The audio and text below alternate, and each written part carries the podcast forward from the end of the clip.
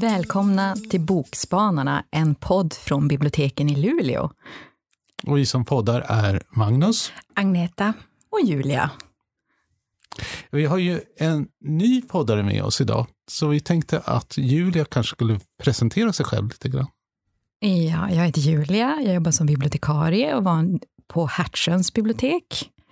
Och jag eh, tipsar också om böcker på bibliotekens hemsida, biblo.se, med mina Mm. kollegor. Vad tycker du om att tipsa om då? Det blir mycket romaner på engelska. Yes indeed. Alltså får jag fråga, du skriver ju så otroligt bra på engelska. Hur kommer det sig? Har du gått någon utbildning, extra utbildning i engelska eller? Jag läste engelska på universitetet, så jag har en Aha. kandidat i engelska. Say no more. Vi är grymt avundsjuka. ja, verkligen. Jag, jag läser ju alla texter med argusögon, men dina är väldigt bra. Skönt att höra. Ja. Och då går man ju in på biblo.se och så kollar man på under inspiration. Absolut. Där finns bibliotipsarna. Mm. Och där är ju du också med, Magnus. Fast det var länge sedan jag skrev något, så jag Okej. vet inte om jag räknas som tipsare. Nej. Men, men du har ju också Jag har tipsat. varit med, men jag har klivit av. Ja. Men mina tips ligger ju kvar fortfarande. Absolut, det finns många, många fina tips att ta del av i många olika genrer. Mm. Men här idag i våran podd Bokspanarna har vi ju jättemånga bra tips och jag tänkte faktiskt få börja. Åh. Mm. Jag har läst en bok som heter Lycka är för losers av Vibke Bryggeman och den är egentligen klassad som en ungdomsbok men jag tycker att ungdomsböcker kan man läsa eh, i princip nästan hur gammal man än är för att jag tror många gånger så tänker jag så här att när man är ung och är i rätt ålder så att säga för att läsa ungdomsböcker så kanske de kommer lite för nära. Det är ibland vad jag tänker. Men eh, den här i alla fall, den är, den är både rolig och dråplig och lite sorglig. Och den skulle vara, den skulle ha, vara jättebra att prata om i grupp eftersom Ja, jag ska berätta lite grann om vad den handlar om. Eh, huvudpersonen heter i alla fall Phoebe och hennes bästa kompis Polly har övergett henne, tycker Phoebe, för att hon har blivit ihop med en kille som heter Tristan. Och han kan inte ens cykla. Och det tycker Phoebe liksom att, att åtminstone ett av kriterierna man ska ha om man ska träffa någon kille eller tjej det är att de kan cykla åtminstone. Men Tristan han kan inte cykla. Eh, och Polly hon beter sig precis som de alltid har sagt att man inte ska bete sig när man har en kille. Och Tristan han ser ut som att han håller på att försöka rätta upp Pollys huvud när de kysser varandra. Så att det, alltså Phoebe känner sig väldigt övergiven. Fast Polly försöker ju hela tiden kontakta henne. Hon försöker hela tiden häng med oss och gör det, häng med oss och gör det. Men nej, Phoebe vill inte. Um, det är ju så här att när ens förälder väljer bort en till förmån för att rädda världen med Läkare utan gränser så kan man väl egentligen inte klaga. Eller hur? Jo, nej men det kan man faktiskt för att Phoebe och hon, hon längtar efter sin mamma så det gör ont. Hennes pappa han dog redan när, alltså när Phoebe låg i magen så hon har aldrig träffat honom. Men som tur är så har mamman sin bästa kompis Katie som, som Phoebe mer än gärna får bo hos. Katie älskar nämligen Phoebe jättemycket. Men inte ens när Phoebe fyller år och ska ha en trevlig födelsedagsfest så kommer mamman hem trots att hon har lovat. Hon Mm. fyller alltså 16. Ja. Hon väljer istället att, att stanna i det här krigshärjade landet. Och ja, alltså, det slet nästan hjärtat ur kroppen på mig när jag läste det.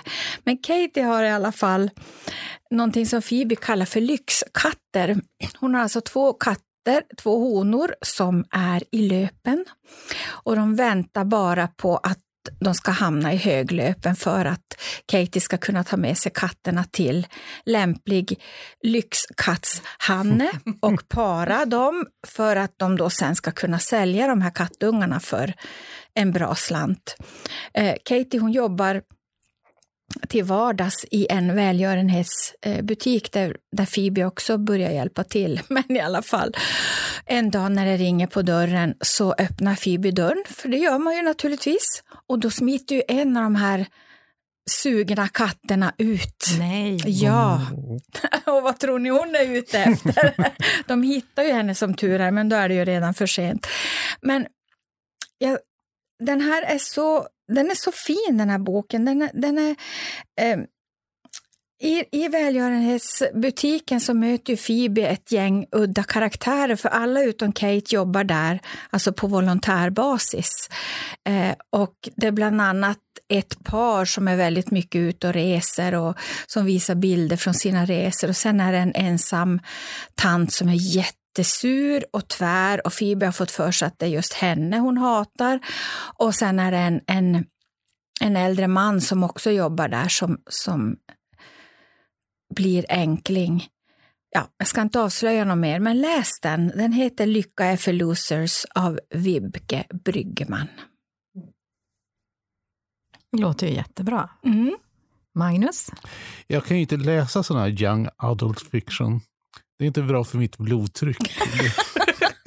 Det, är liksom bara stora känslor, Mm. brustna hjärtan, jorden går under, existensen tar slut för man får inte det man vill ha. Så jag går på barnavdelningen istället. Där är det mycket lugnare. Eller trodde jag. För jag har med mig en serie som heter Ginger Lee, Sue and the Shadow. Och man tycker skuggor, det borde vara lugnt. Men inte den här skuggan som hon har. Den är ganska ondsint. Men nu går jag händelsen i förväg.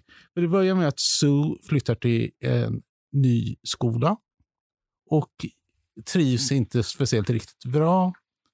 Och hon drar sig undan lite grann. Och ett av de rummen som hon drar sig undan om i är ett sånt där materialrum där det finns en skål. Och när hon är där inne så händer det något med den här skålen. Hon har en sån där blackout. Folk refererar till vad som, eh, att hon har varit på sjuk, eh, hos sjuksköterskan men hon kommer inte ihåg det. Hon tycker att det är lite konstigt. Men det blir ännu värre när hennes skugga börjar prata med henne. Och samtidigt så på den här skolan så finns det en samling med barn som inte har några skuggor alls. Mm. Och frågan är, vem stjäl de skuggorna? Mm. Gud, det låter ju superspännande. Ja, och det är inte bara superspännande utan det är snyggt också. Det är tecknat med en begränsad eh, färgskala. Med sådana teckningar som verkligen är grafiskt effektiva. Alltså de är inte egentligen till för att realistiskt avbilda saker utan de är till för att fylla upp liksom varenda yta som finns i de här serierutorna. Så det är som att varje teckning studsar som en studsboll på mina ögon. Och sånt tycker jag om. Härligt. Då ska vi se, ska vi kanske ta mitt tips då? Ja, Va? Vill man läsa om kärlek, ja. Alltid. politik, kanske? Ja. Ja, kanske. Men det här är väl alltså en riktigt rolig, smart romantisk historia har jag läst. Och det är ju Rött, vitt och kungligt blått Ja, av Casey jag McQuiston. Mm. Och då har vi Alex, han är son till USAs första kvinnliga president.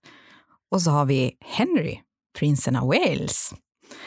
Och varje gång de träffas så bråkar de, de kommer inte överens, ser varandra lite som ärkerivaler. Men då är de på ett bröllop en gång och ja, bråket leder till att de ramlar rakt ner i en väldigt dyr bröllopstårta på flera våningar. Och nu är måttet rågat. Det här kan, de kan inte låta det här leda till en diplomatisk incident mellan Storbritannien och USA. Så nu för att lura pressen och lura alla, nu måste Alex och Henry var, låtsas vara bästa vänner. Mhm. Nu, nu måste de, de kan inte fortsätta på samma sätt. Och det här som startar som låtsas, de börjar prata mer och, och träffas, det leder så småningom till att de blir lite kära i varandra. Det blir en hemlig, ett hemligt kärleksförhållande. Vad spännande.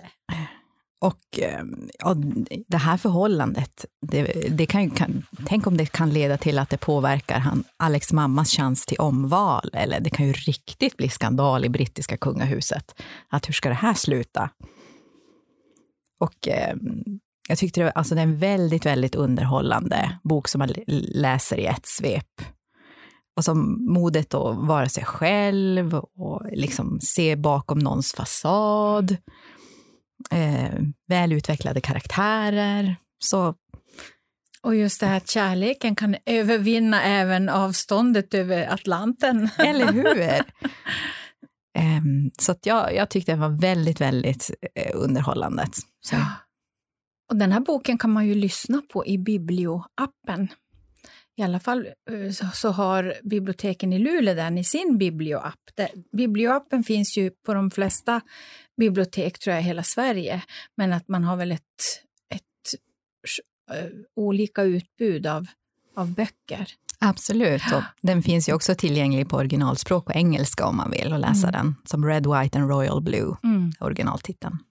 Och vi kanske ska säga att Biblioappen det är en app för att både lyssna på e-böcker och ja, läsa e-böcker. Precis. Mm.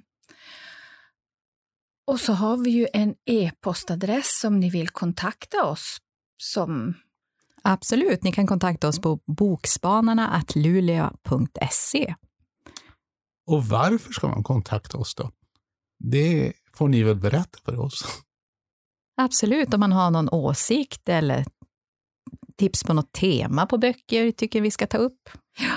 Då I det här avsnittet tipsade vi om Ginny Ly, Sue Under Shadow. Lycka är för losers av Vibke Bryggeman. Och Rött, vitt och kungligt blått av Casey McQuiston.